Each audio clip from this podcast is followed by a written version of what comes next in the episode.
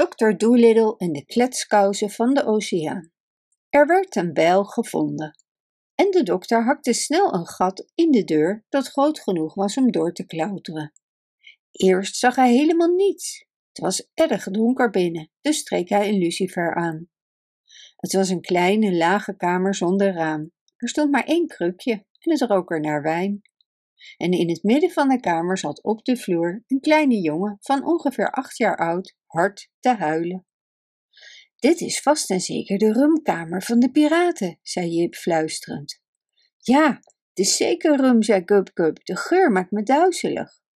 De kleine jongen keek angstig naar de man en de dieren die door het gat in de kapotte deur naar binnen staarden. Maar toen hij John Doolittle's gezicht zag bij het licht van de lucifer, stopte hij met huilen en stond op. Jij bent toch geen piraat, hè? vroeg hij. En toen de dokter luid lachte, glimlachte de kleine jongen ook en pakte zijn hand. Je lacht als een vriend, zei hij, niet als een piraat. Kun je me vertellen waar mijn oom is? Ik ben bang dat ik dat niet kan, zei de dokter. Wanneer heb je hem voor het laatst gezien? Dat was eergisteren, zei de jongen. Mijn oom en ik waren aan het vissen toen de piraten ons te pakken namen. Ze lieten onze vissersboot zinken en brachten ons allebei naar dit schip. Mijn oom moest van hen ook een piraat worden, want hij was een goede kapitein. Maar hij zei dat hij geen piraat wilde worden, omdat piraten mensen doden en dieven zijn, en dat dit geen werk was voor een eerlijke visser. En toen werd de leider Ben Ali erg boos en zei dat ze mijn oom in zee zouden gooien als hij niet deed wat ze zeiden. Ze stuurde mij naar beneden, maar ik hoorde het gevecht boven. En toen ze me de volgende dag weer boven lieten komen, was mijn oom nergens te bekennen. De piraten wilden mij niet vertellen waar hij was. En ik ben heel bang dat ze hem in zee hebben gegooid en dat hij verdronken is. En de kleine jongen begon weer te huilen. Niet huilen, zei de dokter. Laten we thee gaan drinken in de eetkamer, dan praten we erover. Misschien is je oom de hele tijd al veilig. Je weet niet zeker of hij verdronken is of wel. Misschien kunnen wij hem vinden. Maar eerst gaan we thee drinken en broodjes met aardbeienjam eten. En dan zullen we zien wat we kunnen doen. Alle dieren stonden nieuwsgierig te luisteren. En toen ze naar de eetkamer van het schip waren gegaan en thee dronken, kwam Dap achter de stoel van de dokter staan en fluisterde. Vraag de bruinvissen of de oom van de jongen is verdronken. Zij zullen het vast weten. Goed idee, zei de dokter terwijl hij nog een broodje met jam nam.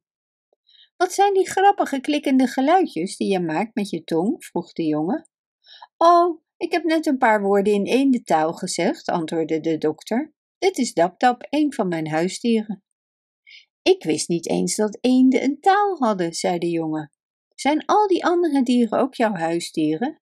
En wat is dat voor vreemd uitziend ding met twee koppen? Sst, fluisterde de dokter. Dat is het pushing pullyu dier.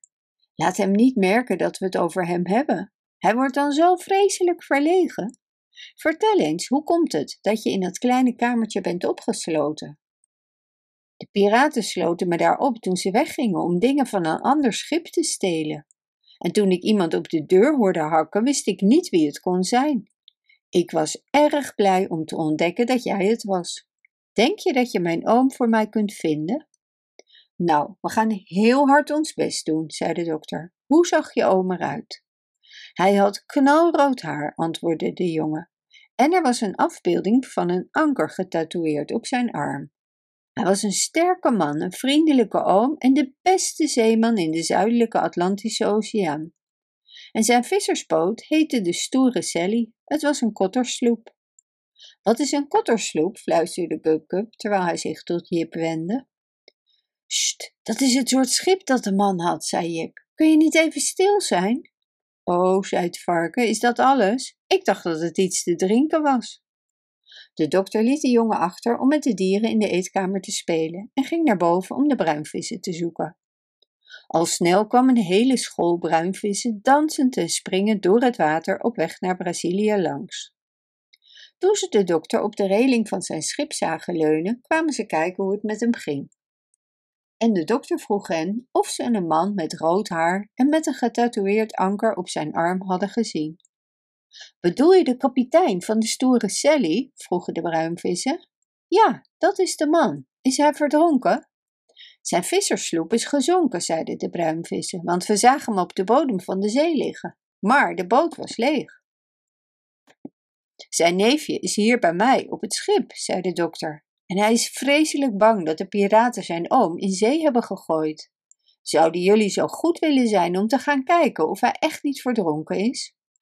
Oh, hij is niet verdronken, zeiden de bruinvissen. Als dat zo was, hadden we het zeker gehoord van de zeediertjes.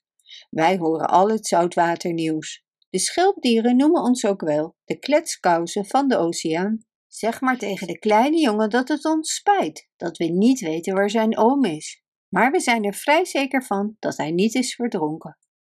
De dokter vertelde het goede nieuws aan de kleine jongen, die in zijn handen klapte van geluk. Het pushing dier nam de jongen op zijn rug en gaf hem een ritje rond de eettafel.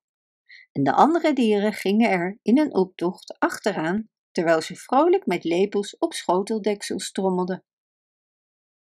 Bedankt voor het luisteren. Wist je dat je dit verhaal ook op onze website ririro.com/nl kunt lezen, downloaden en printen?